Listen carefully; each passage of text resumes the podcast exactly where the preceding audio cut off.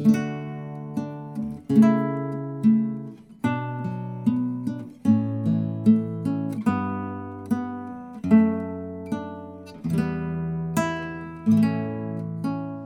دايما العقل لوحده هو القادر على الاحتفاظ بالذكريات. أحيان كتير حواسنا الخمسة بتخزن جزء كبير من خبراتنا في الحياة. حاجات شفتها أصوات سمعتها أو أشياء لمستها ممكن تستدعي في لحظة مواقف وبشر وأزمنة. كل حلقة هتكون رحلة عبر حواس أحد الأشخاص. نفتح فيها خزنة ذكرياته من خلال اللي هتستدعيه حواسه الخمسة. أنتم بتسمعوا بودكاست ذاكرة الحواس وحكون معاكم في الرحلة منى الشايب.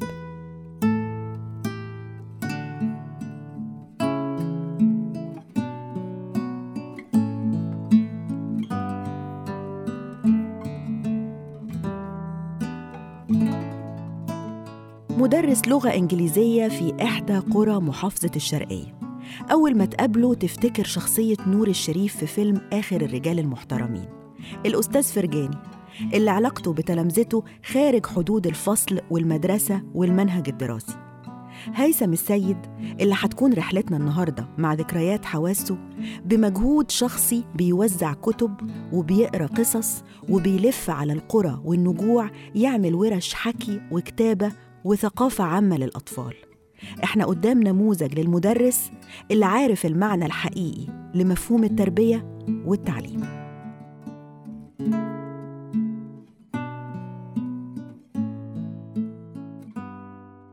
مش بالضرورة الأصوات اللي بتأثر فينا تكون حوالينا طول الوقت أو حتى جزء من حياتنا اليومية. أحياناً بتكون بعيدة ومرتبطة بمشهد مش بيروح من الذاكرة أبداً بياخدنا في لحظة لمرحلة عمرية وفترة تكوين كاملة. وده تحديداً اللي حصل مع هيثم. أول ما كلمتيني أصلا عن الموضوع استدعيت أنا موضوع الصوت كان مرتبط بصوت الرصاص بتاع محمد الدرة. فاكرة المشهد؟ آه فاكرة المشهد. فعلا آه. يعني أنت صوت الرصاص بيفكرك باليوم ده أو بالحدث ده؟ ده ده ده, ده أنا عايز أقول لحضرتك إن يعني بيطاردني في الأحلام أنا مرتبط بالأطفال بشكل كبير جدا فالحدث ده بالنسبة لي كان حدث يعني يعني مريب مريب يعني أنا لحد النهارده لما بتيجي نشرة أخبار و و وأسمع مثلا خبر عن ميليشيات أو صوت ضرب رصاص أنا بقفل أو بمشي يعني الفترة دي أصلا اللي هي فترة إن بيبقى طالع من ثانوية عامة. وفي أولى جامعة مجتمع بقى مثقفين ومجتمع ناس بتتكلم في السياسة وفي الأدب وفي المزيكا و و فيعني حظ السيء إن كان دي بداية أحداث كان الانتفاضة وبعدين كان غزو العراق كان حاجات ورا بعضيها كده فمش قادر يعني كلها ثابتة جوه ذهني لإنها يعني اتحفرت. كان جاية في وقت إن أنت لسه طرية بالمعنى فكل حاجة زي ما يكون اتشتلت جوه الدماغ يعني.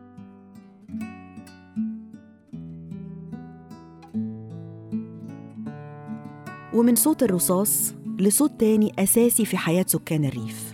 والحقيقة إنه مصدر أمان وراحة لأي حد يسمعه. صوت العصافير. يعني في أيام الشتاء بيكون ال- الوقت أصلا طول الوقت في الشتاء بيكون الدنيا برد وبيكون الدنيا سكون تام يعني من البرد ومن المطر ومن الأجواء. ففي أيام كده أول ما الدنيا بتبدأ مثلا تخطف يومين ثلاثة أو فترة دفى معينة فالعصافير بتصحى بدري. فالأيام دي أنا بستناها. يعني أنا بحب الشتاء لكن بتضايق إن البرد بيعمل سكون تام في في الحياة يعني. فالأيام اللي بيكون فيها دفى أو شبه دفى أنا بعرفها من بعد صلاة الفجر بتبدأ مع أول ضوء نهار بيبدأ صوت العصافير يصحوا كده فأنا بصحى يعني بستمتع جدا لدرجة إن أنا يعني من من وقت ما بدأ يكون في موبايل وفي خاصية التسجيل بقيت أسجل ده. يعني على الموبايل بتاعي ممكن بتلاقي أصوات متسجلة كتير لأصوات عصافير. بيقولوا العين بتعشق قبل القلب أحياناً وصورة معينة تقع عليها عينك في مكان ما ممكن تدخل قلبك وما تخرجش منه أبداً لآخر العمر. معبد فيلة في أسوان.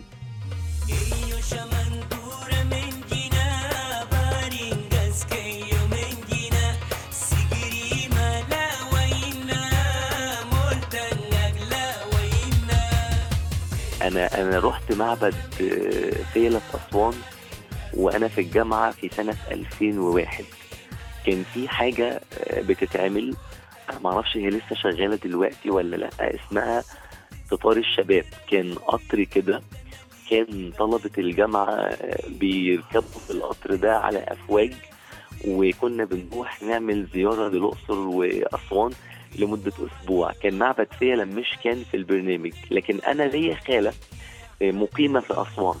فابنها قال لأ إحنا هنستأذن من المشرفين وهنروح اوديك مكان آه، ما ينفعش ما تشوفوش وكان معبد فيلة. عايز أقول لحضرتك إن يعني أول ما ركبت المركب المشهد بتاع من أول مرة وبقيت أحس إن أنا زي ما اكون ابن مش عارف يعني بحس إن المكان ده بتاعي وأنا كل فترة لما ببعد لازم أرجع له تاني.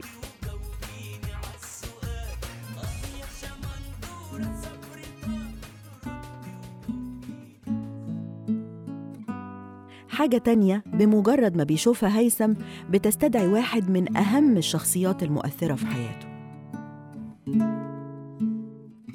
خلية نحل كان في أرض جدي اللي هو آه، والد والدي.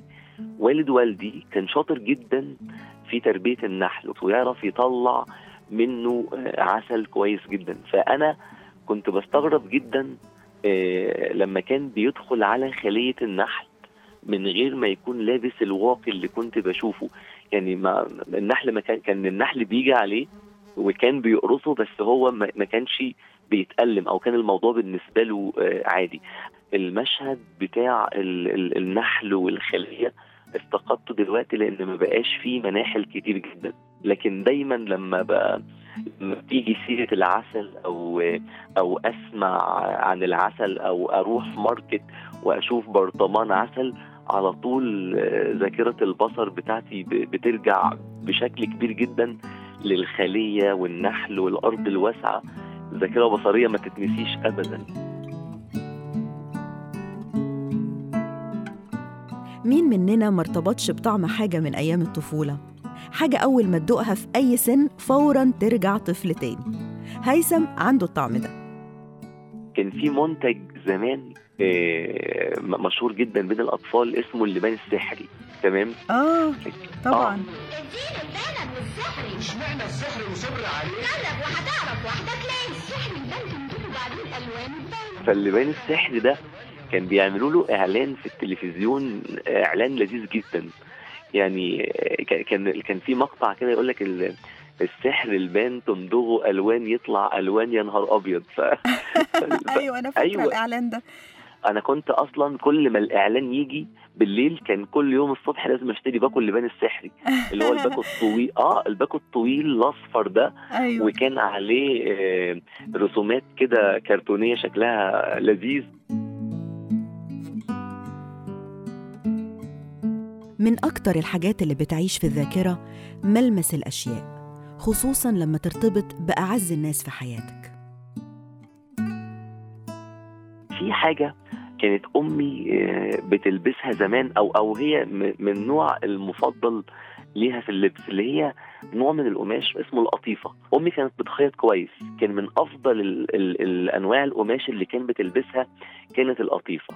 ارتباطي بقى بالقطيفة آه، مش علشان هي كانت بتلبسها لأ علشان دايما كنت أنا الكبير في البيت وفي القرى الولد الكبير آه، بيشيل أعباء كتير جدا. فكنت من شدة البرد وأنا رايح معاها السوق الصبح بكون ماسك في الجلباب القطيفة بتاعها عشان أدفى. القطيفة بتدفي فأنا مكلبش في في الجلابية وهي ماشية وأنا ماشي وراها آه، رايح السوق. فكان الملمس بتاع القطيفة بيكون دافي.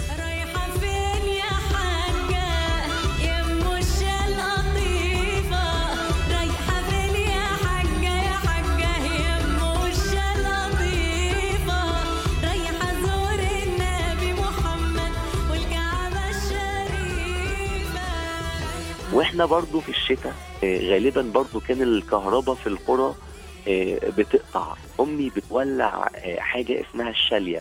بتحط فيه تشوي فيه بطاطا وتشوي فيه بطاطس. وكنت أنا أحب جدا أنام على حجرها وتفضل تحكي حكايات وأنا نايم على الجلابيب أو الجلابيات ال- القطيفة بتاعتها. وشامم ريحة ال- ال- القطيفة ودفى ال- ال- النار و- وطعم البطاطس. ولو صادف مثلا دلوقتي و- وقابلني مثلا كنت في معرض قريب لل handmade و- وكان في شنط معمولة من القطيفة. أنا عايز أقول لك إن أنا أنا اشتريت من غير ما أعرف إن أنا مشتريهم ليه أصلا. علشان بس ملمس ال- القطيفة خدني كده و- ورجعني لل- لريحة وملمس الجلابيات بتاعت آه. أمي. ربنا يديها الصحة. ربنا يديها الصحة.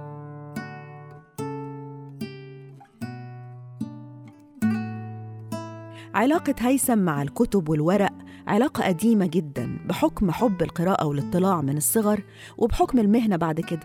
لكن تفضل ريحة معينة للكتاب مرتبطة بذكريات القراءات الأولى. مدمن ل- ل- لريحة ال- الورق الجديد. يعني الكتب الجديدة آم، بيكون للورق ريحة. ده بدأ معايا من أيام من أيام ثانوي. كان ال- القراءات بتاعتي كان هي تقليد للقراءات بتاعت والدي. فما كانش عندنا كتب أطفال كتير إلا في مكتبة المدرسة. ومكتبة المدرسة كان الكتب فيها مستعملة فما كانش آه، ليها ريحة الكتب الجديدة فما كانتش بالنسبة لي تجربة لها علاقة بريحة الكتب. ده حصل إمتى؟ كنت في أولى ثانوي و- وكنا في درس من الدروس وقاعدين في آه، بنش من ال- من أوضة الدرس اللي بناخد فيها درس الفيزياء. فكان عندي صديق اسمه محمد سليم آه، وإحنا قاعدين فقال لي بص آه، خد الكتاب ده أنا مشتري منه نسختين وأنا كنت مستغرب إن إزاي حد يشتري نسختين من كتاب واحد. واقراه في البيت. آه، هيطلعك من الملل اللي إحنا فيه ده. خدت الكتاب كان كتاب للدكتور نبيل فاروق وكان الكتاب لسه جديد. أنا فتحت الكتاب وكان دي أول تجربة ليا قراءة مع الدكتور نبيل فاروق. فارتبطت معايا تجربة نبيل فاروق بالكتاب الجديد فكان كل كتاب جديد أجيبه وأشم فيه ريحة الورق. كان بيفكرني بأول تجربة خلتني يعني يعني أدخل برجلي اليمين عالم آه، قراءة ما انتهاش لحد دلوقتي وأدين بالفضل لصديقي ده والدكتور نبيل فاروق اللي خلاني أدوس جدا في موضوع القراءة. وبقيت دايما أحب أشتري الكتب الجديدة. مش بس ريحة الورق الجديد بترجع هيثم لذكريات حلوة. في ريحة كمان بترجعه لكن لأشخاص ومشاعر وحالة كاملة من الشجن والسكينة. جدي والد والدتي بقى كان خريج أزهر فكان متدين جدا. وكان دايما لما حد يروح يحج فكان بيطلب منهم يجيبوا له مسك مسك من المدينة المنورة. ذكرنا رسول الله والنور لاح النور لاح لما حضرنا أبا زهراء. المسك فاح المسك فاح لما ذكرنا رسول الله والنور لاح النور لاح لما حضرنا فاح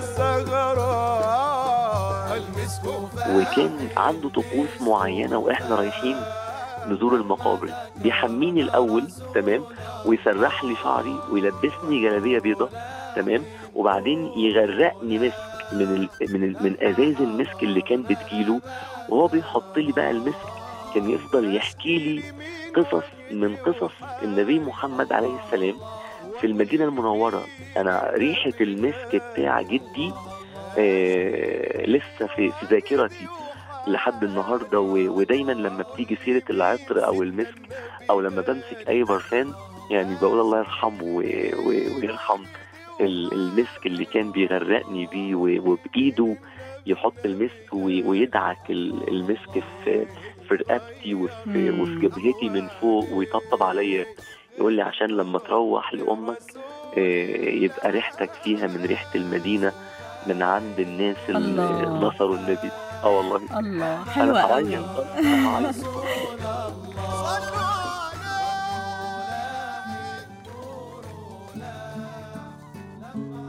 خلصت رحلتنا مع ذكريات حواس هيثم السيد مدرس اللغة الإنجليزية الرحالة بين القرى والنجوع بالكتب والحكايات. لو بتسمعني وتحب تعمل رحلة مشابهة في ذكريات حواسك هكون سعيدة نعملها سوا. نفتكر مع بعض تفاصيل ممكن تكتشف لأول مرة إنها متخزنة جواك أول ما تستدعيها عن طريق حواسك الخمسة. كانت معاكم في الرحلة منى الشايب وانتوا بتسمعوا بودكاست ذاكرة الحواس.